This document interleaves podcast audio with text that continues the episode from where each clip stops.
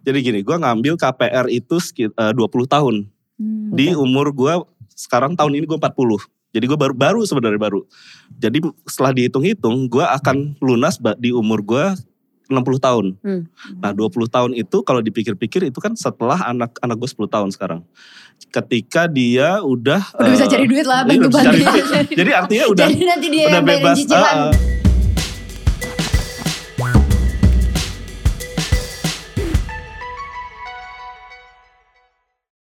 Tom Cruise punya film namanya Mission Impossible, di mana dia harus menjalani berbagai misi mustahil yang berbahaya untuk menyelamatkan masyarakat ataupun dunia, ya kan? Nah, generasi muda, millennials dan juga Gen Z itu juga punya misi yang katanya mustahil. Misinya eh, bahaya sih enggak, yaitu adalah beli rumah. Jadi ya, akhir-akhir ini diskusi di internet itu mengangkat narasi bahwa generasi milenial dan juga Gen Z bakal susah cenderung mustahil untuk membeli rumah. Kalau aku sih afirmasinya nggak maunya gitu ya. Kalau aku sih percaya aku akan bisa beli rumah, beli apa pun itu, beli pulau, beli apa-apa-apa. Cuman pada kenyataannya yang diomongin sama semua orang sekarang kok kayaknya mustahil banget ya buat Gen Z dan eh, para millennials ini untuk membeli rumah. Nah, yang kedua, hmm, bisa bikin cepat marah katanya. Mungkin kurang meditasi. Karena banyak perintilan yang harus diurusin. Yang ketiga, bisa jadi lingkungan sekitarnya nggak ramah. Nah, itu balik lagi kurang meditasi. Biasanya kan kita attract what we believe ya. Kalau aku maunya nih sekali lagi, believe ya dapat tetangganya yang baik-baik, bisa kebeli rumahnya dan lain sebagainya. Tapi ya itu tadi, di sosial media semuanya tuh bikin agak-agak parno. Kok kayaknya pusing banget mau beli rumah, bener gak sih kayak gitu? Kayak gak habis-habis kalau misalnya kita mikirin yang serem-serem. Daripada beban ini aku tanggung sendiri, lebih baik kita berbagi beban ya. di sini aku udah ada em, Cia dan juga Mas Abi Mantra. Halo. Halo. Balik lagi sama saya Ayushita Nugraha sebagai host di MLD Podcast, podcastnya generasi yang siap beli rumah. Dan em, Mas Abi sama Cia akan menjawab pertanyaan-pertanyaan soal tantangan membeli rumah. Apakah benar ini mission impossible atau sebenarnya possible-possible aja. Tapi sebelum aku ajak ngobrol lebih lanjut, ada eh, aku mau ngingetin untuk follow semua social medianya MLD. Ini dia nih. Bismillah ya. Aku sebutkan dengan Bismillah. Follow juga Instagramnya at MLD. Kita juga ada di Spotify, di MLD Podcast, juga YouTube ya MLD Spot TV. Jangan lupa subscribe dan nyalain bell notification-nya. Benar, benar, benar, benar. Yeay. Oke, kita selalu ya ada eh, deg-degan yang gimana gitu. Soalnya suka kebalik-balik, tapi bener kok. Biasanya muter-muter ke mana nyampe ke situ lagi. Yang jelas di MLD Podcast TV ya. Eh salah lagi kan? ya udahlah ya daripada makin panjang ngalor ngidul, mendingan kita langsung aja lihat eh, ini ada VT keresahan masyarakat tentang membeli rumah dari Gen Z dan juga millennials. Sekarang lo stay di mana? Sebulan habis berapa buat tempat tinggal? di kos 1,7 bareng sama orang tua. Eh, kebetulan masih tinggal sama keluarga sih. Pengen gak punya tempat tinggal sendiri? Pengen sih, tapi kayak kalau dengan gaji aku kayak belum mencukupi ya. Untuk sekarang ini kayaknya belum deh. Ah, pingin, pingin. Pilih punya rumah atau apartemen? Pertimbangannya apa? Pilih rumah, biar enak aja kalau punya rumah sendiri. apartemen sih pengen lihat city life gitu Rumah kelihatan aja sih fisika. rumah sih. Sekarang punya cicilan apa aja? Siap nggak kalau KPR rumah atau apartemen? Belum, belum ada. belum ada Nggak ada sih kalau cicilan. Menurut lo, dengan income lo sekarang, kapan bisa punya rumah sendiri? umur gue yang 26 Sudah ada dan sangat lama cicilannya. Ada wacana program biar Gen Z bisa punya rumah sendiri. What do you think? Menurut gua bagus banget, bisa support kita juga sebagai Gen Z. Dan itu kayaknya agak susah ya. Kita sampai tua kali ya baru bener-bener lunas kali ya. Kecuali emang kita ada dana dari orang tua kali. Itu tadi Viti eh, kurang lebih satu dari lima orang yang bisa yang bilang bisa be- membeli rumah walaupun cicilannya panjang banget. Nah, gimana nih kalau menurut Cia dan juga Mas Abi, kira-kira enggak enggak, enggak tunggu sebelum aku naik kira-kira, kalau menurut kalian definisi rumah tuh apa sih, Ci? rumah itu kamu. Kak Abi dulu deh. Gue dulu ya, langsung ditembak tentang-tentang arsitek. Oke, eh, buat gue kalau orang bilang kan home is where your heart is kan. Mm-mm. Buat gue mungkin agak klise sebenarnya, karena kayak cinta kalau cari pasangan cinta aja nggak cukup kan, sama aja kayak rumah. Masa sih? Iya. Belum kawin. Belum. sorry, sorry. Anyway. Kenapa sorry ya? Nanti kita bahasannya lain Iya, nih. iya, Oke oke. Lanjut. buat gue rumah itu, eh, buat gue mesin yang ngebuat hidup lu tuh bisa lebih berkualitas. Oke. Jadi maksudnya adalah ya lu punya rumah, selain punya anggota keluarga yang menghangatkan rumahnya, ya rumah tuh harus eh, ada sinar matahari cukup, bisa eh, hobi lu juga bisa lu lakukan di rumah, makan dengan tenang, tidur dengan tenang, semuanya dengan tenang. Jadi kalau rumah nggak bisa bikin lu bahagia atau kualitas hidup lu nggak lebih baik, nah itu bukan rumah namanya. Oke. Kalau Cia? Bagus banget jawabannya. wow. Aku Ini bukan kompetisi Iya, tenang, bagus, it's okay. cerdas, cermat. Aku tadi pas ditanya eh, rumah itu apa, langsung kepikir freedom sih. Freedom to do whatever you want. eh, dan mungkin sebagai anak gitu yang selalu tinggal di rumah orang tua, pengennya keluar terus kan, pengen ngekos, pengen apa. Tapi ketika punya rumah sendiri itu benar-benar di mana kita bisa ngelakuin apa pun yang kita mau, ngatur ruang tamu, ada deket em, ruang makan atau apa. Jadi kayak freedom. This Freedom. home for me, ya. Oke. Kalau rumah buat aku apa ya? Gak kebayang lagi. Udah udah. Tapi kalau menurut eh, Cia sama Mas Abi, rumah itu harus napak tanah atau apartemen itu juga tidak salah? Em, Karena kan Iya. biasanya kalau generasi orang tua kita, Iya. ngapain sih beli apartemen, Hmm. nanti ini itu ina inu gitu.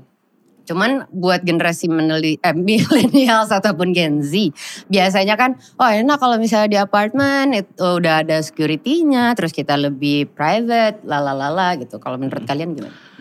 depends sebenarnya. Jadi orang tua kita the boomers sebenarnya mungkin cara berpikirnya hampir mirip semua, tapi Hmm. generasi kita udah makin beragam. Jadi ada yang eh, sebenarnya kembali ke kebutuhannya. Kalau Hmm. emang pengen bu- eh, butuhnya itu semua beres, ya udah cari yang udah punya sistem, as in apartments, udah ada fasilitas, security dan segala macam, atau bahkan tinggal di eh, gated community atau eh, produknya developers gitu. Nah, Oke. tapi kalau ada yang seneng challenge dan emang pengen uh, rumah itu jadi unik buat dia dan dia bangun sendiri segala macam ya ya landed house, beli tanah sendiri, bangun sendiri mungkin itu lebih mengasihkan. Jadi it depends sebenarnya sekarang. Oke, Hmm. jadi tergantung Iya. pribadinya ya. Tapi kalau Mas Abi sendiri prefer apa? Landed uh, landed house. Kebetulan aku tinggal di landed house. Hmm. Oh, Oke, kamu? Baru tahu istilahnya landed house ya. Napak tanah, Bo? Lapak tanah ya. Aku juga landed house berarti. I don't know karena mungkin eh, selama eh, growing up gitu nggak pernah tinggal di apartemen jadi nggak pernah ngelihat eh, daya tarik apartemen. Jadi kalau aku juga pengennya ya ada tanah sendiri, ada eh, haknya sendiri gitu kan nggak Hmm. hak guna bangunan doang. Oke. Jadi Tapi ya. kan nanti kata- setelah sekian lama tetap jadi hak milik milik kita kalau bersama. apartemen gitu ya. Kalau apartemen 20 tahun. 20 tahun. ya. Hmm. Tapi sebenarnya gini, sekarang ini kan uh, yang penting buat gue pribadi ya, kalau ditanya landed house apa enggak, yang penting uh, definisi gue tentang lingkungan tinggal gue tuh, gue kerja, gue main, gue uh, ngantar anak sekolah, Hmm. gue semuanya itu harus dalam radius yang bisa bikin hidup gue efisien. As in Hmm. gak jauh, gak lebih dari 5 kilometer. Hmm. Jadi eh, rumah itu kalaupun emang harus apartemen tapi di situ deket tempat kerja gue, tempat main, tempat eh, gue ke park itu adalah tempat tinggal yang ideal. Hmm. Kalau beruntung dapat landed house, gue beruntung sekarang dapat tinggal di landed house, ya itu yang gue pilih. Kira-kira Aku gitu. ketawa soalnya aku ingat mamaku tuh. Hmm. Ya kan kami tinggalnya eh, di pusat jadi kalau pakai kendaraan umum at that time masih cukup aman lah untuk Hmm. Iya. anak kecil eh, pulang sekolah sendiri and everything. Kalau mama nyariin sekolah nggak mau yang jauh-jauh, eh, beliau bilangnya yang penting bajai pasti berlalu. Masih, masih Bajai berlalu. pasti berlalu. iya. Ya tapi memang bener sih akhirnya aku jadi bisa pulang sendiri naik bajai karena mereka dulu ngantor dua-duanya Hmm. bajai pasti berlalu. jadi mungkin sekarang konsepnya bajai pasti berlalu berarti. Yes, dan uh, sekarang udah MRT Udah gak ada pasti- bajai. MRT pasti berlalu. Tapi gini, lu tinggal di landed house, coba cari di tengah kota. Susah kan? Hmm. Jadi lu harus uh, mungkin agak ke pinggir yang emang cukup dengan budget lu. Tapi bayangin kalau kerja lu di tengah. Jadi berapa jam yang lu butuhkan untuk back and forth untuk uh, commuting dari Iya. rumah ke kantor back. Mungkin misalnya lu gini deh, lu tinggal di Bintaro. Mm-mm. Itu juga bukan sektor 1 sampai 3 gitu ya. Pasti Iya. udah sektor 7 sampai 9. Iya. Kantor lu di Sudirman Hmm. berapa jam yang lu butuhin? Minimal satu jam. Jadi let's say dua jam. Itu baru berangkat. Pulangnya dua jam lagi. So four hours of your day itu Aku dengerin aja capek sih. Kan? terbayang, terbayang. Jam lu, but- lu uh, habiskan untuk di jalan. Jadi kak alangkah indahnya hidup tuh kalau lo tinggal eh, dalam jarak yang efisien. Itu yang penting sih buat gue. Park buat Hmm. anak ada, rumah sakit Iya. deket, mall Heeh. ada, segala macam. Pasar. Mungkin akan Pasar benar. buat yang tinggal agak di suburb mungkin lebih bahagia waktu zamannya WFO ya. Bener. Eh WFH, sorry WFH, WFH. bener, sorry. Iya iya iya iya iya. iya. Kalau kamu eh, gimana em, proses kan sekarang katanya lagi bangun rumah. Yes, Eh, very excited. udah berapa persen? 30 mungkin. Baru ngecor lantai dua. Oke. Gitu. Eh, Mhm. itu tuh proses selamatannya pakai adat mana? Enggak, enggak, kita nggak bahas itu ya. Tapi eh, waktu pertimbangan kamu akhirnya kan kamu kan masuknya berarti Gen Z ya. Aku tuh milenial akhir sih Milenial akhir aja transition lah ya. Mhm, Ya apa pun itu transition. pokoknya range dari 20-an sampai 30-an Iya. ini eh, yang merasakan kerasahan kok kayaknya makin impossible ya beli Mhm. rumah di Jakarta gitu. Kalau kamu pertimbangan kamu masih belinya di Jakarta? masih Oke. alhamdulillah. Alhamdulillah. Jaksel. Jaksel ya. itu eh, karena kan banyak yang bilang rumah itu jodoh-jodohan Yes. gitu. Nah kamu gimana tuh waktu pertama kali? Gue lebih tertarik nanya ini daripada nanya jodoh beneran gitu. Iya. Kira-kira ngerasa berjodoh sama rumah tuh gimana gitu? Karena kan jarang di ghosting ya kalau sama rumah ya. Iya betul. Sama agen Bener mungkin kan? atau sama seller di Oh, ghostingnya. Masa sih? Gimana gimana prosesnya? Oke, Coba ceritakan. Bener banget sih prosesnya. It's a very lengthy process dan kayak aku ngerasa ya kalau misalnya mau nyari rumah atau tempat tinggal itu benar-benar harus niat. Karena nggak bisa cuman kayak ah pengen deh eh, ngeliat-ngeliat scrolling Instagram doang. Sekarang kan banyak banget ya ads perumahan ini, eh, apartemen ini. Tapi benar-benar kalau aku karena dari awal pengen bangun harus muterin tuh daerah satu-satu. Benar-benar nanya satpam kayak Pak ada yang eh, ada yang mau dijual nggak rumah atau ada tanah kosong nggak gitu. Jadi benar-benar take effort and time out of your day sih untuk nyari Jadi Dan hunting offline. hunting offline itu Oke. penting banget. Nya, eh, harus ngelihat daerahnya pas lagi hujan gimana, dan tiba-tiba zong nanti banjir gitu Hmm, kan hmm. kak. Jadi kayak itu aku ngelaluin semuanya dan akhirnya bisa berjodoh nih sama satu eh, di daerah Jaksel. Hmm. Um, dan itu benar-benar aku rasa uh, perfect untuk aku karena uh, budget. Budgetnya masih masuk lah ya masih Oke. masuk. Uh, dan kedua tuh da- lingkungannya juga enak masih ada satpamnya gitu. Jadi ya emang effort banget sih yang aku rasain. Dan ada dorongan. Waktu itu tuh aku cuman kayak eh pengen deh cari rumah gitu. Kayak kayaknya tuh achievement banget. Karena aku nggak pernah gila mobil atau gila kayak branded items. Aku tuh kayak pengen banget punya rumah gitu Oke. cita-citanya. Biar benar-benar bisa tinggal bertiga by parents Hmm. gitu Pengen build the family Yes. yang kamu punya sendiri Mhm. gitu ya. Oh Mhm. nice. Jadi kurang lebih dari rasa ingin sampai mewujudkan itu harus ada motivasi yang kuat dulu. yes betul dan Punya anak dulu tabungan aja deh kalau gitu. dan tabungan pastinya Oke oke. Nah tapi kan eh, itu tadi kita sempat ngebahas eh, kalau Cia bilang offline eh, hunting offline itu lebih signifikan mungkin jadi beneran kita mengenal eh, daerah daerahnya terus habis itu beneran ada sparksnya ketika ketemu sama rumahnya sendiri gitu kan. Nah tapi yang sekarang tahu kan kalau misalnya kita ada symptoms penyakit apa di badan terus bukannya ke dokter bukannya ke klinik malah kita googling Mhm. kayak gue sakit ini kayak gue nebak-nebak sendiri gitu kan. Nah ini yang sebenarnya menurut aku juga terjadi eh, pada saat proses mencari rumah gitu di eh, social media. Katanya daerah sini gitu, katanya daerah sini gini, katanya tetangganya gini. Nih karena memang ada banyak sekali social media yang membahas ke arah sana yang bikin semua orang udah kepengen jadi parno, le- lebih besar parno. Karena ini ada fun facts. eh, apa namanya satu pikiran positif itu terkalahkan sama yang lima jadi emang kita harus banyak pikiran Hmm. positif positif cuman ya itu tadi eh, banyak banget orang yang berpikir bahwa jangan deh di daerah situ tuh gini di daerah sini tuh gitu gitu tapi ya aku sempat ngeliat juga ini eh, mungkin bisa dilihat dari sisi arsitek dan eh, Mas Abi sendiri gimana sih kalau menurut aku gini sekarang yang bikin mustahil adalah oke ini ada apartemen bagus developernya bagus harganya kayaknya tuh cuma 2 2 M gitu 2 M 3 M. Tapi pas disamperin ternyata segede kamar hotel budget gitu kayak agak nyiksa ya gitu. Maksud aku dengan harga segitu kok mahal sekali? Apa memang kalau di Jakarta udah pasti kayak gitu atau bagaimana? Oh, oke. Jadi emang harga properti itu eh, tinggi sih. Menurut memang aku di Jakarta itu luar biasa gila sih Iya. gitu. overpriced eh, dan Iya apa itu yang bikin takaran harganya tuh gimana sih? Maksudnya apa? Ah ini segini aja deh gitu. Gimana? Saya bingung kadang-kadang. Tapi ada, nah itu kalau misalnya dari developer ya, developer pasti ya kayak kacang goreng kan ngejual mungkin ya jeplak harga aja gitu, Hmm. digoreng terus harganya gitu. Iya. Tapi eh, mau nggak mau itu yang paling mudah, itu yang paling mudah untuk kita dapat gitu kan. Nah salah satu cara lainnya adalah yang sebenarnya kayak Cia lakukan, jadi Hmm. bener-bener field observation dan Oke. sendiri gitu. Dan itu emang nggak mudah, cuma nah kalau emang udah jodohnya itu pasti jodoh gitu. Itu betul. Heeh. Tapi kan cari jodoh kan gak gampang betul, ya. betul. Sama kayak cerita gue juga sebenarnya. Oke gimana? Jadi gue nikah 2011, baru rumah gue baru jadi 2018.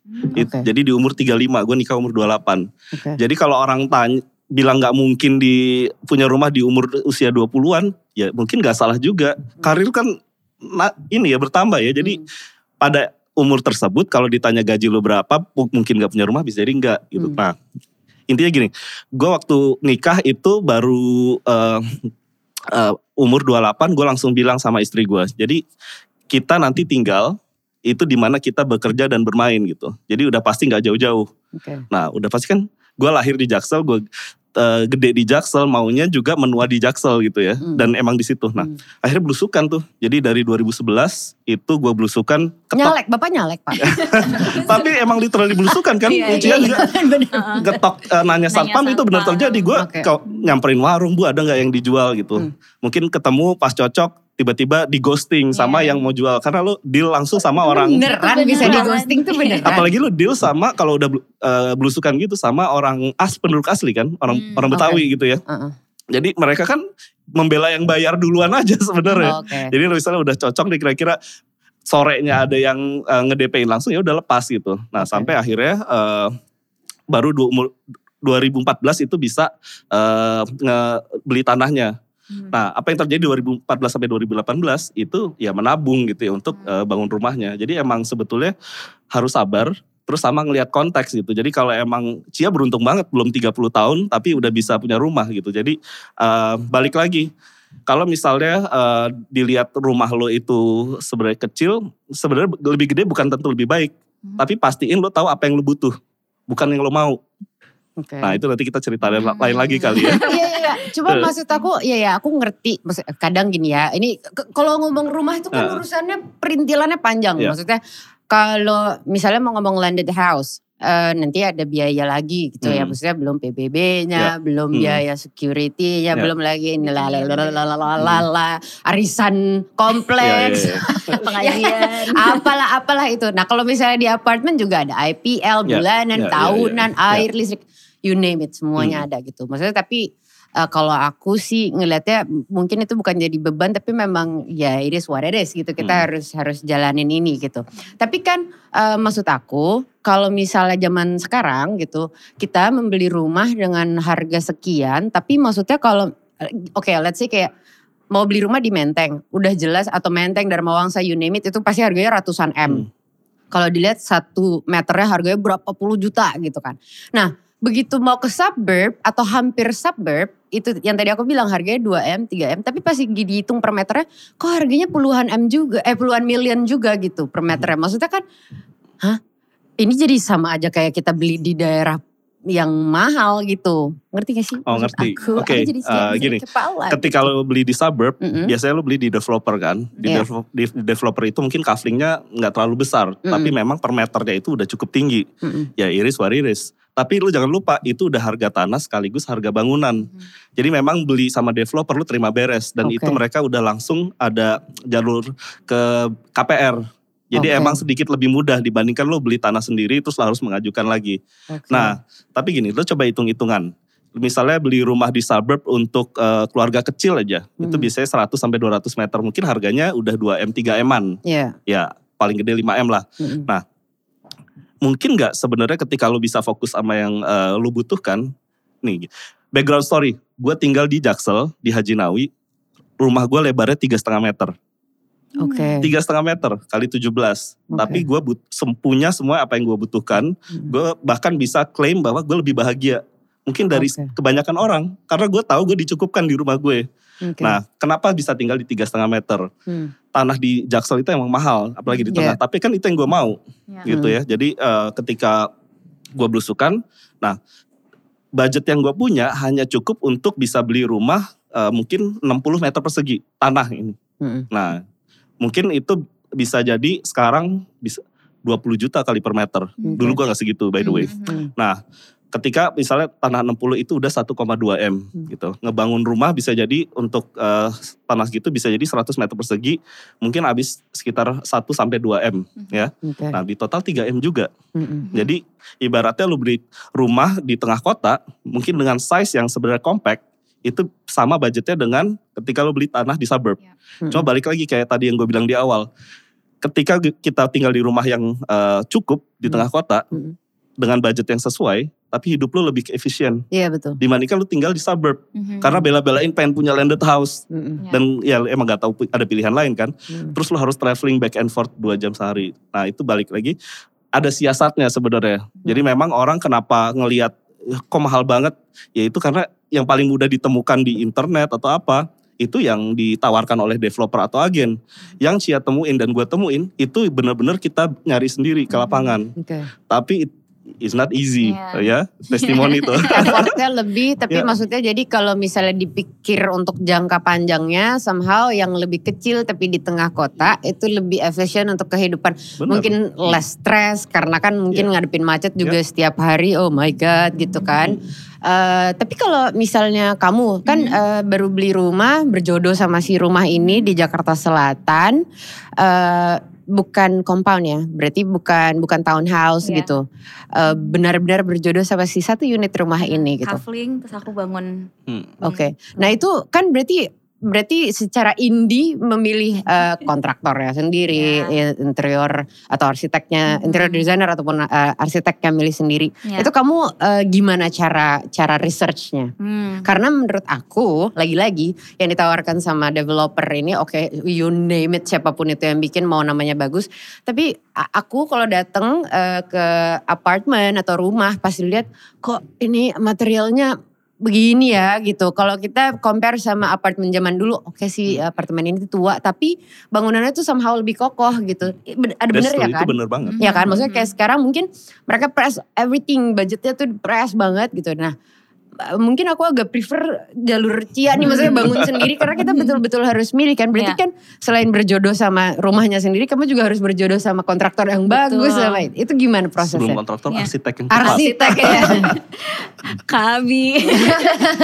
ya, em, mau nanggepin juga tadi Kak Abi ngomong kalau misalnya ya pertama tuh sebelum mau cari rumah atau tempat tinggal apartemen apa pun yang pasti tahu dulu em, niat bikin rumahnya tuh apa benar do you wanna live in a place yang dekat sama semuanya atau pengen punya halaman yang luas, eh, pengen punya garasi buat mobil lima gitu. Jadi pertama tahu dulu. Aku mungkin sama kayak Kak Abi dulu. I don't mind tinggal di em, lahan yang kecil, nggak usah ada background yang luas atau apa, tapi harus di tengah kota karena aku emang anaknya nggak suka stres di mobil gitu loh. Hmm. Jadi eh, tapi beda-beda. Ada temanku juga yang dia ya jauh lebih nikmat kalau misalnya rumahnya punya backyard yang luas, tapi pasti harus jadinya nggak di tengah kota gitu kan di Iya. suburbs gitu.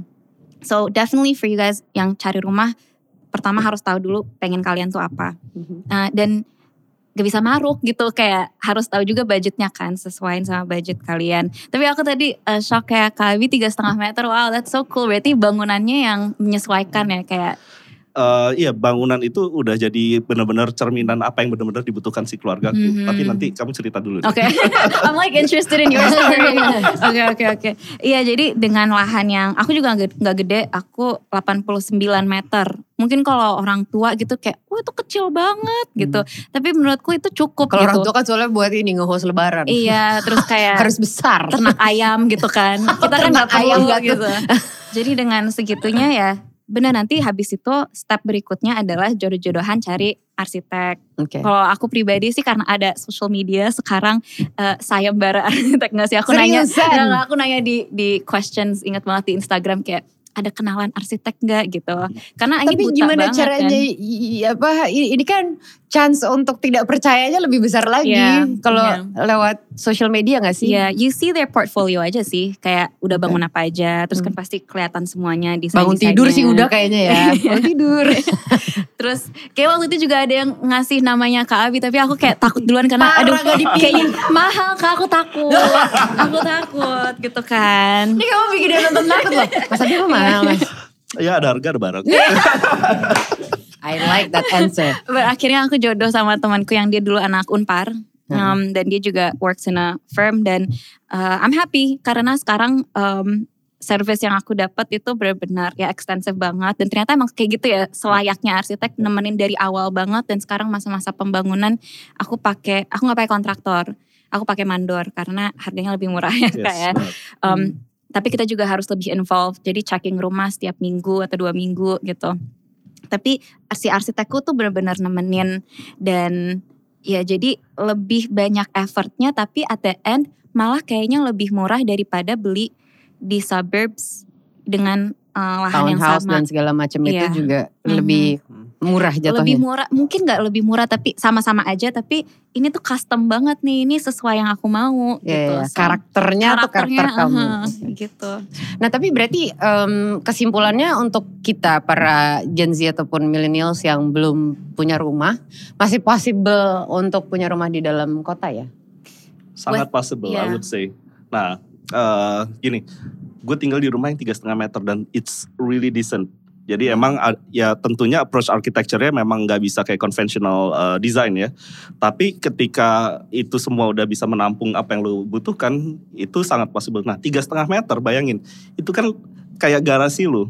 Hmm. Jadi bayangin sebenarnya lo nggak usah eh, beli room, nyiapin budget eh, yang di luar kemampuan lo untuk beli mungkin di suburb atau apa, Mhm. tapi lo bisa bahkan manfaatkan ruang tersisa dari tanah keluarga lo, esin orang tua gitu ya. Jadi dan lo tetap punya compound atau Mhm. private space sendiri di atas garasi lo dengan lebar mungkin tiga setengah sampai 4 meter. Hmm. So it's really possible Hmm. gitu. Jadi eh, pun sebenarnya masih banyak kalau lo mau belusukan tanah-tanah yang sebenarnya eh, available Ya. asal mau nyari tapi nggak akan lo temuin di internet Ya, tapi yang paling penting sebenarnya yang lo harus cari pasangan yang tepat ya. the right partner karena partner adalah kunci bener Gak enak nih ada bisikan-bisikan ketawa di di belakang kamera. Terus ketawanya ketawain saya.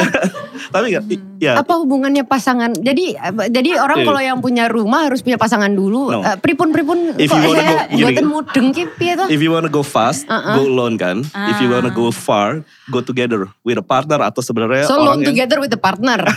nah, itu maksudnya gini maksudnya gini Piye? eh, bikin rumah itu bukan sesuatu yang mudah Oke. jadi eh, budget lu mungkin budget eh, hidup lu hidup lu lu taruh situ lah Saya jadi loro jonggrang aja deh langsung Nah.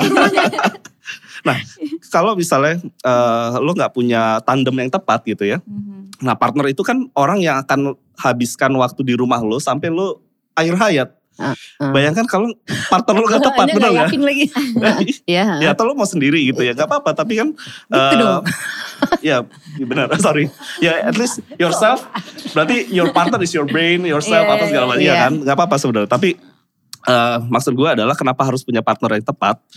Karena di situ dia akan eh, membantu lu untuk bisa eh, apa ya? Bisa membuat keputusan untuk semuanya dan memastikan kayak the whole frekuensi untuk rumah lu tuh bener gitu. Hmm. Jadi yang gue lakukan bahkan eh, lu bayangin gitu, Om, istri gue ketika gue kasih lihat Tara ini calon rumah kita lebarnya tiga setengah meter Hmm. nggak langsung percaya gitu. Tapi ketika gue bilang ini bisa gitu. Ketika lu eh, dan gue arsitek gitu kan. Ketika kita bisa plan semuanya dengan baik itu sampai akhirnya gue bawa traveling. Hmm. Waktu itu gue buat gua tra- bawa traveling ke Jepang tinggal di Airbnb yang lebarnya mungkin cuma 3 meter Ya, di kali. Jepang mah jauh-jauh banget kan. Iya. Nah, nah. Dan dia bilang, oh bisa ya? Ya bisa gitu. Udah percaya sama gue gitu. Akhirnya kita mulai desain. Desainnya 2 tahun. Oh. Yang dibahas bukan model rumah. Dia sama 2 tahun keliling Jepang tuh. No. nah, apa yang dilakukan selama 2 tahun? Bukan eh, re- lihat-lihat model rumah, tapi kita bahas seberapa banyak mobil yang kita butuhkan. Hmm. Kita tinggal deket MRT Haji Nawawi apa segala macem. Satu udah bisa gitu. Ya. Lo segala macam juga mungkin. Sampai eh, berapa anak yang kita mau punya. Hmm. Jadi planning rumah buat eh, kita berdua waktu itu jadi kayak nge-planning keluarga kita. Hmm. Dan After married. after married kan. Hmm. eh, terus bahkan sampai berapa baju yang istri gue juga suka ini ya fashion. Dia suka sepatu juga. Hmm. Berapa baju yang dia har- harus mau punya. Pasti yang 2 meter buat walk-in closet mereka. Iya, buat istri gue aja. Iya. Terus bahkan pasang sepatu gitu. Dia punya berapa pasang sepatu. Kan rumahnya eh, cuma segini. Oke, kita punya tangga, semua tangganya bisa lo masukin sepatu. Ada berapa anak tangga? Ada 10, ada 12. Ya udah sebanyak itu sepatu yang lo bisa. Oh, oke. Kalau gue emang udah dari dulu biasa eh, mensimplify hidup gue. Jadi misalnya gue hanya pakai satu warna untuk baju. Oke. Jadi kalau misalnya sekarang harus pakai warna cerah, gue gak punya bajunya. Hmm. Karena gue cuma punya satu warna. Oke. Jadi emang eh, ketika dia bisa menerima ide gue itu, tentunya akan semakin mulus. Pun sebenarnya kayak Cia tadi, Hmm. kalau suaminya nggak bisa support, Hmm. pasti nggak akan semulus ini jalannya gitu kan. Jadi eh, find the right partner. If yourself is your partner, Yeah. then then eh, go aja gitu. Nah, makanya semuanya diselaraskan gitu Ah, ya, ah. gitu. Jadi uh, the idea yang penting semuanya masuk di akal bisa dijalanin maka terjadilah Yes, gitu. karena challenge-nya abis itu kan ada. Belum nanti eh, ketika harus KPR atau ketika harus eh, ngeluarin berapa ratus juta bahkan M gitu ya Hmm. untuk rumah. Ya kalau misalnya satu nggak agree atau satu nggak nge-support itu akan sulit banget Mhm. Oke, kalau gitu. kalau em, KPR kalau menurut pendapatnya Mas Abi sama Hmm. Cia, idealnya eh, di umur-umur kita ini eh, berapa lama sih sebenarnya? Karena kan ada yang tadi eh, di VT kita kan bilang ada tapi lama sekali Mhm, eh, mhm. jangka waktu cicilannya gitu. Ya. Sebenarnya karena kadang kan kita mikir punya waktu 10 tahun atau 15 tahun kadang sama aja pusingnya Hmm. gitu ya kan. Maksudnya kita toh akan tetap ngumpulin uang sekian gitu. Mhm. Kalau menurut kalian berdua baiknya tuh idealnya berapa lama sih paling lama gitu? Oke, sebenarnya KPR itu eh, baiknya sebenarnya kalau misalnya semakin nggak memberatkan lo itu semakin baik. Mhm.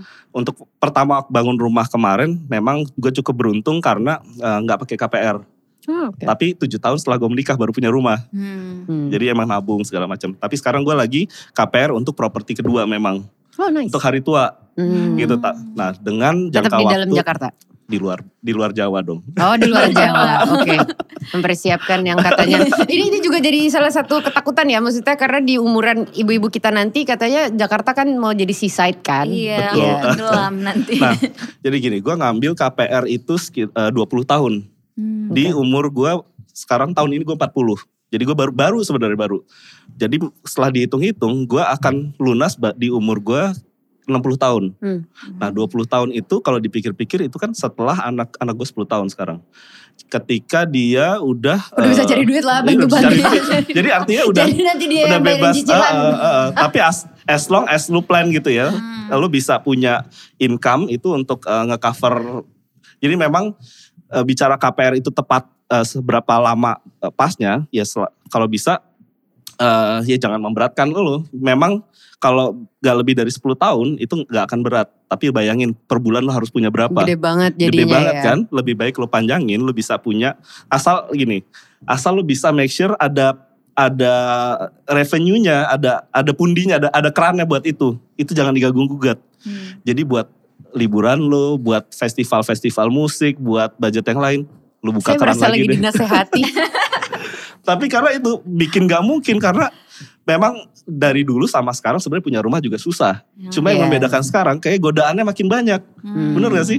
Jadi balik lagi, you have to be mindful Hmm. terhadap apa yang lu butuh. Hmm. Dan kalau emang sebenarnya lu nggak bisa ngilangin festival, nggak bisa per- eh, ngilangin keinginan pergi traveling ke mana, ya jangan dulu punya rumah. Hmm. Nah, unless lu udah secure tuh income buat itu, baru Iya. lu buka lagi pundi-pundi buat itu semua, Iya. baru hidup lu bisa tenang deh.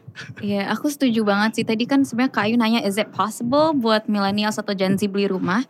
It's possible, bisa, tapi it might be hard. Kayak banyak sacrifices yang harus diambil. Mungkin ya kayak contohnya aku, aku bisa beli rumah alhamdulillah, tapi I don't have a car.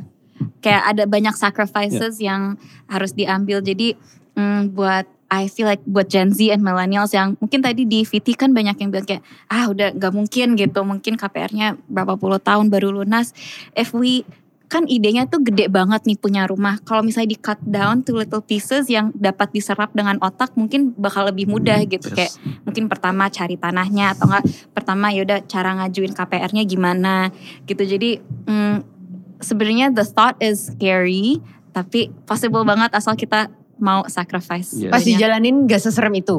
pas dijalanin tetap seram tapi nggak seseram itu Karena kan kita eh, lagi butuh pencerahan, Iya, maksudnya iya. kayak Iya, iya. ya udah, maksudnya eh, bukannya mau enggak kok ini semua mudah gitu. Nggak Iya. seserem kayak gini. Enggak, kayak semuanya misalnya menakutkan nggak gitu juga. eh gue ngambil 15 tahun sorry 15 tahun itu berarti kan selesai gue 55 kayak gini lu ngelihat eh, orang umur 30 tahunan atau 40 tahunan dulu kayak serem banget tua banget Hmm. tapi kan sekarang gue aja umur 40 tahun Mhm, tahun ini kayak mhm, gue biasa kayak umur 25 gitu Iya. Cie, ngakunya tapi gue rasa itu sama dengan ini kalau lo jalanin gitu ya kayak 15 years it ain't so bad gitu Ap- iya, iya. tapi lo harus eh, bisa secure dulu yakin dulu ada ada eh, kerannya yang emang nggak nggak ke mana-mana gitu Iya. Mhm. Tapi kalau berarti ngomongin si anak-anak Gen Z dan millennials ini banyak godaan ya seperti yang tadi Mas Abi Mhm. bilang. Kalau mungkin kayak agak jarang ya seperti Cia yang nggak tempted by mobil, branded stuff and everything gitu. Kalau ini kan eh, plesir, dikit-dikit healing, apa segala macam gitu. Yang enggak enggak Hilang, gitu. healing. Iya hilang, Hmm. healing sampai hilang gitu. Eh, Kalau menurut kalian bener nggak ini Gen Z jadi lebih susah lagi punya eh, rumah atau tempat Mhm. tinggal, Hmm. even ngontrak kali agak susah karena eh, priority-nya lebih ke ya itu tadi. Nah, balik lagi sebenarnya itu kan peer, pressure ya. Dan Hmm. sekarang peer pressure eh, yang membuat peer pressure itu adalah social media. Jadi Hmm. yang membuat eh, anak muda sekarang berpikir gua harus ini, gua harus itu adalah mungkin yang dia lihat di social media.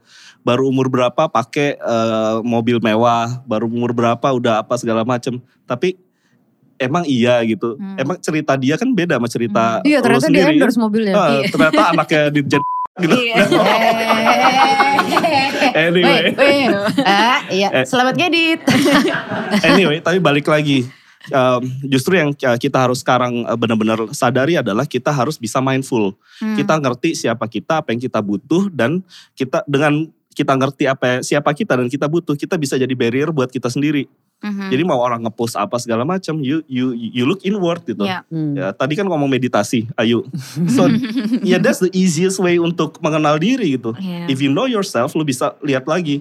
Kalau misalnya eh, lihat dan kepengen ini, kepengen itu, ya diam aja dulu meditasi 5 menit aja. Tanya apa emang itu yang lu butuhin. Iya. Kalau setelah selesai meditasi itu masih eh, ada, mungkin berarti itu emang lu butuh. Kalau udah nggak ada, ya that's not what you need. Iya. right? I agree. Jadi itu penting sih, be mindful terhadap eh, semua godaan ini. Iya. Hmm. Sama aku mau tambahin kayaknya di VT itu they look young gitu kan. Iya. They look like they're early 20s gitu. Kayak you're not supposed to have your own house in the early 20s. Kayak aku juga baru mau 30 baru punya Iya, gitu. Jadi mungkin terlalu banyak pressure kayak mungkin dari influencer-influencer yang kayak oh gue 21 tahun udah punya rumah sendiri kayak ya itu special case aja. Iya. Tapi don't worry di dalam in your early 20s pasti bakal banyak cobaan, Iya. banyak krisis identitas, banyak harus cari job kedua, job ketiga gitu kan.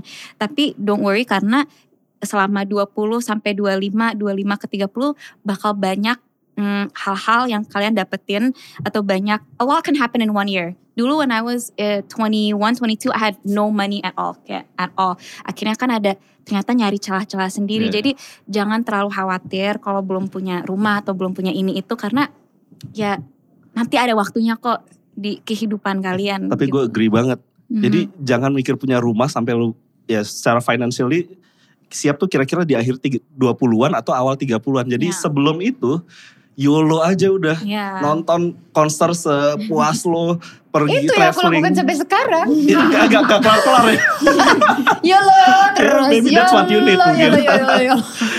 Is that the way to make you sane? Ya then do it right. Hmm. And then, nah tapi eh, ya kalau tadi video-video yang kita lihat itu bener banget early Ya. 20s ya emang Emang bukan waktunya belum gitu. waktunya deh lo mikirin cicilan itu jadi Iya. go yo lo nggak ada salahnya jadi emang eh, balik lagi konteks Ya. kalau early 20s ya jelas emang belum siap gitu untuk punya rumah dan jangan deh bukan Tapi yang yang kita lagi. punya rumah dari umur sebelum 20 loh. itu warisan Bener juga ya. warisan. Mungkin begitu. Warisan beda ya. Beda, kita beda. ngomongin warisan. Eh, sebelum kita lanjut lebih jauh, aku mau ingetin juga untuk semuanya jangan lupa follow semua social medianya MLD. Di Instagramnya ada at MLD Spot, Spotify kita ada di MLD Podcast dan YouTube-nya di MLD Spot TV. Jangan lupa di subscribe, like, share, dan juga nyalain notification bells-nya. Oke, aku sekarang mau lanjut nanya.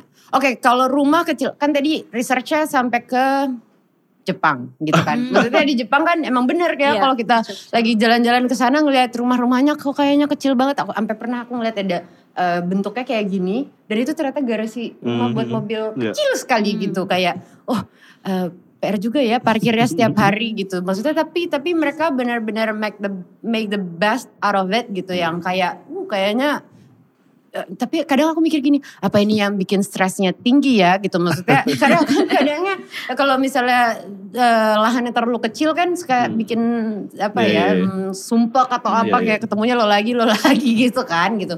Nah cuman kalau di Jepang itu kan lebih futuristic walaupun kecil Hmm. eh, di sini mobil juga udah mulai masuk mobil-mobil listrik Mhm. gitu. Kira-kira kalau rumah pakai eh, s- jadi smart home gitu tuh penting nggak buat kalian?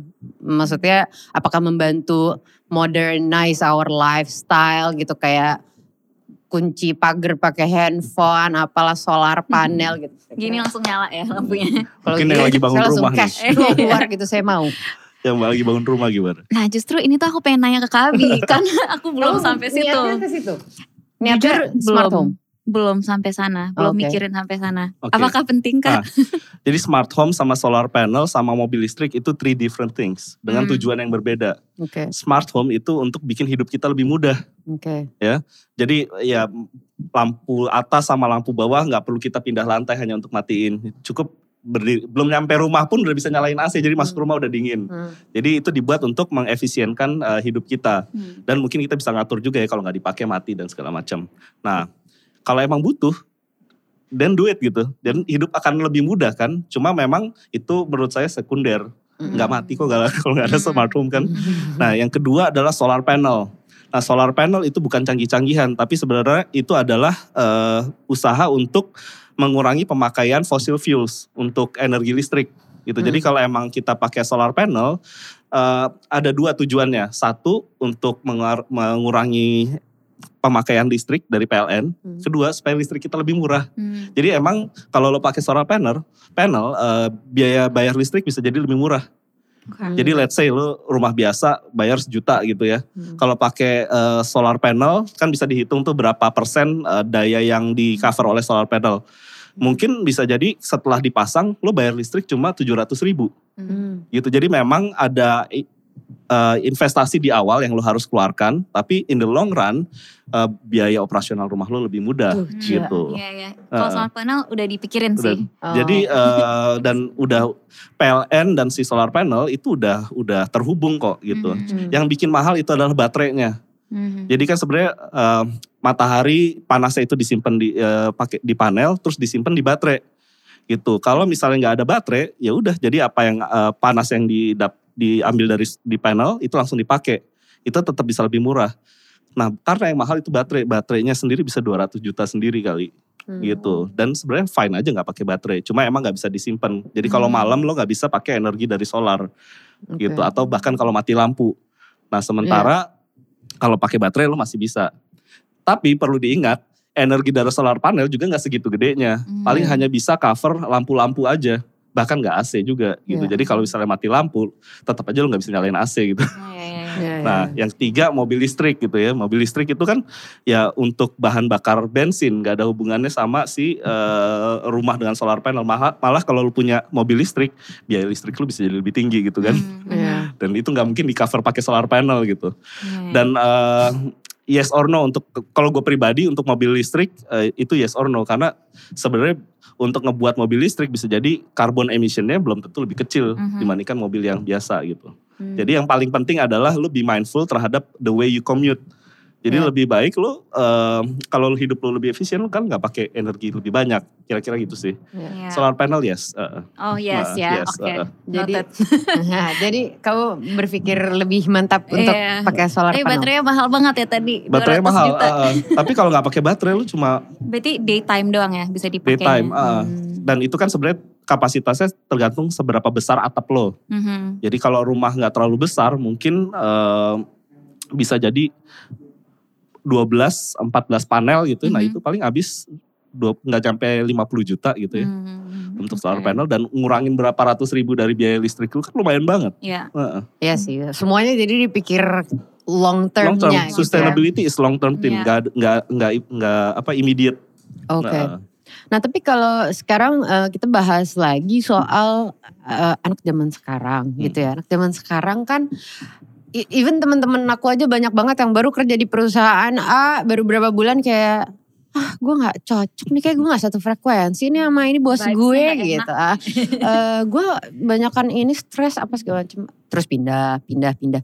Kadang aku mikir kalau aku nggak pernah relate karena kan iya. kerjaanku belum aku selama ini nggak pernah ngantor gitu ya. Hmm. cuman aku pikir emang kalau orang pindah-pindah terus nanti pas lagi dilihat re- rekam jejaknya kok ini anak nggak bertahan? Iya, gitu. iya, kayak di kepala aku tuh Hmm, masih kayak hmm, gitu. hmm. cuman kan pada kenyataan ternyata sekarang banyak nih yang pindah lagi pindah lagi. Itu bukannya urusannya juga panjang ya untuk kayak mau kredit rumah mobil gitu. Maksudnya itu kan ada jaminan-jaminan yang maksudnya kayak untuk buat Nah. long term nyewa apalah Oke, segala nah. macam atau buat BI checking misalnya. Sebenarnya nggak ngaruh. Oh, malah kalau lu pindah untuk gaji lu lebih besar malah bagus di eh, banknya Oh, jadi tergantung konteksnya lagi Iya, lo pindah-pindah tuh sebenarnya Mhm. ada bank yang bukan terjadi HR. atau- Oke. yang dia lihat adalah berapa per bulan transfer dari perusahaan ke rekening lo Oke. gitu malah sebenarnya semakin gede gaji lo ya semakin valid lo nya Jadi pindah-pindah kalau beneran eh, berfaedah nggak apa-apa. nggak apa-apa kan dilihat eh, yang dilihat tuh bukan berapa lama lo kerja di perusahaan berapa lama lo sudah bekerja gitu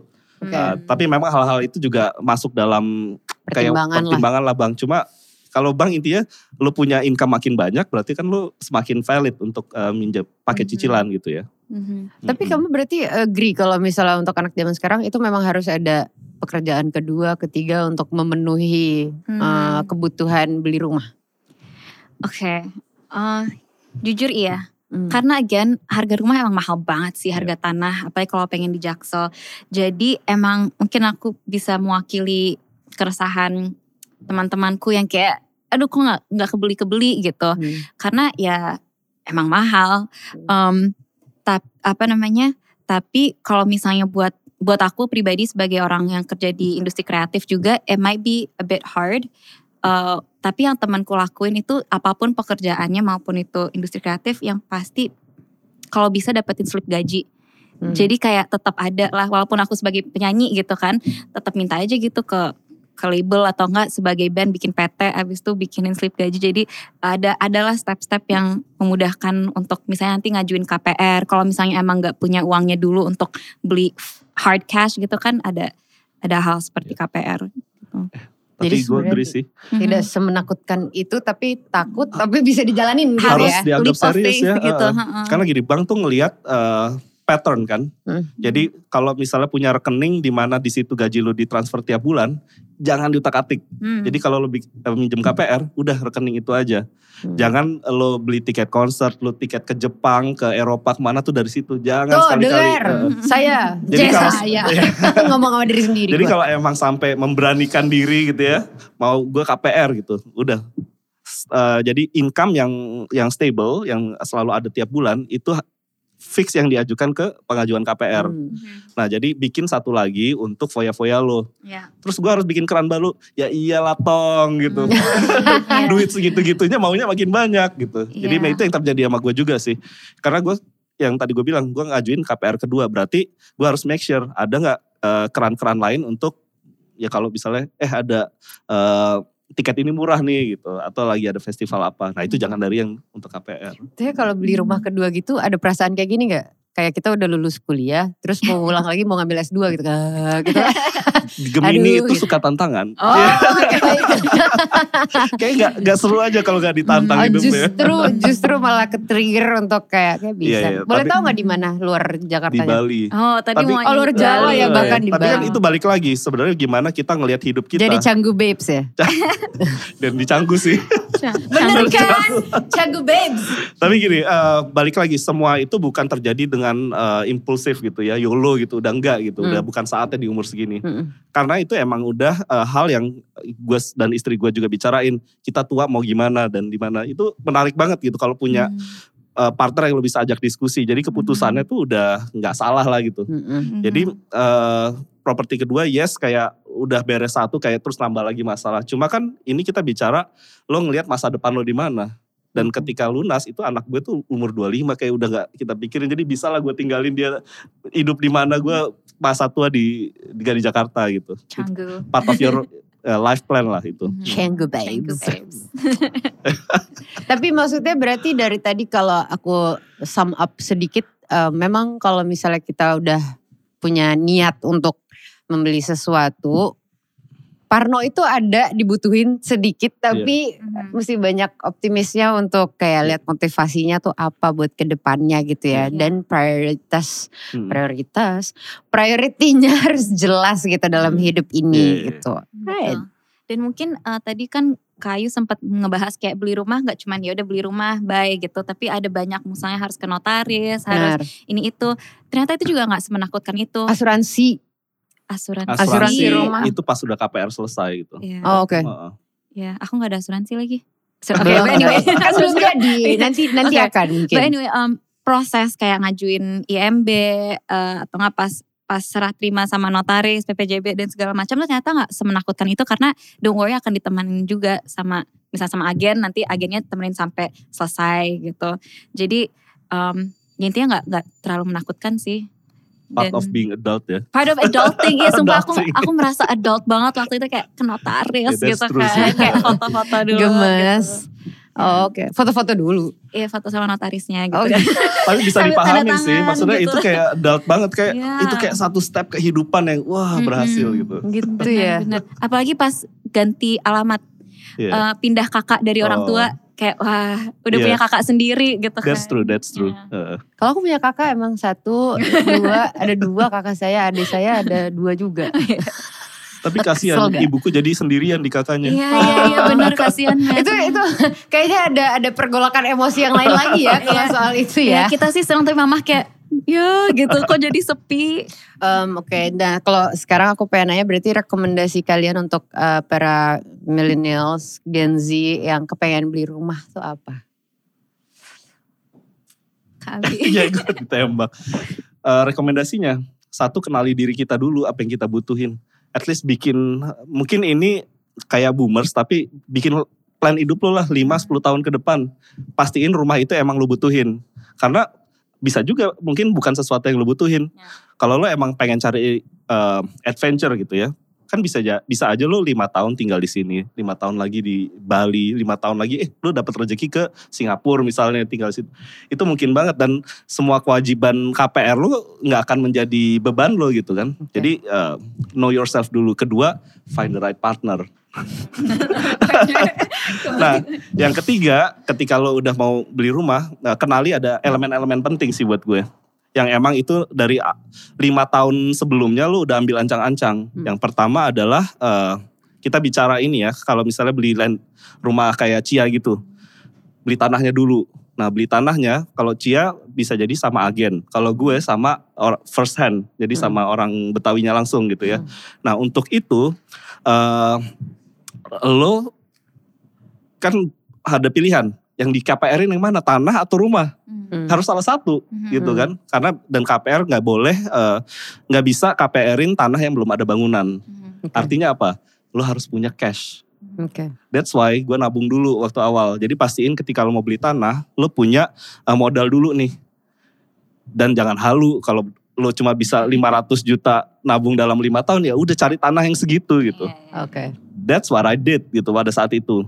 Waktu belum 20 juta di Haji Nawi. Mm-mm. Jauh dari itu. Nah kedua eh, setelah punya tanahnya budget untuk membangun bangunannya. Mhm. Nah balik lagi. eh, semakin besar rumah belum berarti lu semakin baik rumahnya. Jadi fokus pada apa yang lu butuhkan. Nah itu leads to your ini meter square-nya. Hmm. Jadi kan kebutuhan lo itu nanti terreflek pada eh, meter persegi rumah. Nah meter persegi rumah terreflek pada budget. Budget terreflek pada KPR yang lo mau ajukan gitu. Jadi eh, untuk KPR, nah gini, lo beli tanah gitu ya. Eh, udah punya tanahnya nih, belum tentu lolos KPR lo. Hmm. Kayak gue nggak lolos KPR karena nggak ada bangunannya. Mhm. Hmm. Jadi eh, artinya apa? Lo harus puter otak lagi. Kalau misalnya renova beli rumah jadi terus lo rubuhin renov itu masih bisa. Iya. Oke. Ya, yang penting harus ada fisiknya aja sebelumnya. Tapi ngerubuhin rumah itu harganya lumayan juga kan? rumah fisik itu nggak ada nilainya sebenarnya. Maksudnya biaya ngerubuhinnya kan lumayan juga. Yes, ya tapi ketika lo bangun rumah itu kayak cuma berapa persennya. Nah, ya, Nah ya. itu harus disiapin juga. Mm. Dan kadang orang lupa juga kali ya. Mm. Itu harus keluar di depan gitu ya. Iya. Nah eh, itu juga harus disiapin. Jadi eh, lihat-lihat dulu tanah yang lo ambil. Apakah ada bangunannya atau enggak. Kalau misalnya nggak ada bangun- bangunannya siap-siap punya cash Mhm. untuk membangun rumahnya. Hmm. Nah tapi kalau ditanya gimana gue punya cash. Kayaknya tiga digit di rekening gue aja susah. Tapi kan ya emang bener susah. Eh, dalam kita bekerja kadang ada rezeki nomplok kali ya. Atau Hmm. bonus-bonus turun. Hmm. Dan itu pasti bisa terjadi. Satu bonus tahunan, bonus apa lo invest terus apa terus lo jual mobil kayak gitu-gitu lo bisa Hmm. plan deh. Hmm. Lo puter otak emang nih diuji ketika lo bangun rumah tuh diuji kayak ketangkasan lo sebagai seorang Ada manusia Godaan-godaan gitu ya. Kayak Kira-kira Nah. lo gigih gak? gitu. Jadi kalau eh, dipastikan lo nggak bisa dapat KPR siap-siap itu. Jadi Hmm.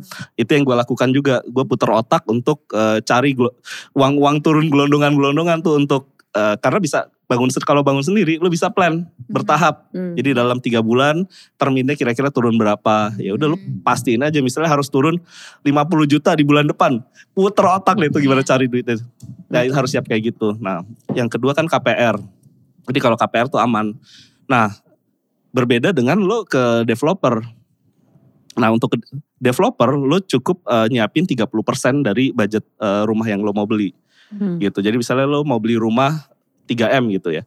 Lo harus punya 900 juta. Hmm.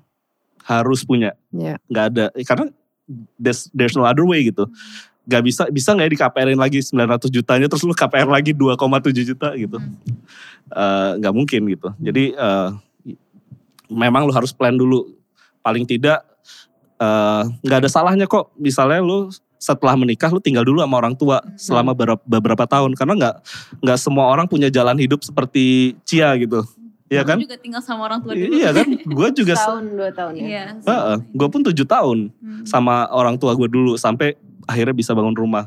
And that's fine. Memang nggak semulus itu. Hmm. Ya pasti lu tinggal di bawah orang tua pasti ada konflik. Tapi ketika lu sadar itu konflik yang lu harus lewatin ya udah gitu. Jadi ya itu tadi eh, budget buat bangunan tanah, habis itu buat bangunan. Terus siapin juga kalau emang ma- mau minim stres, budget buat arsitek.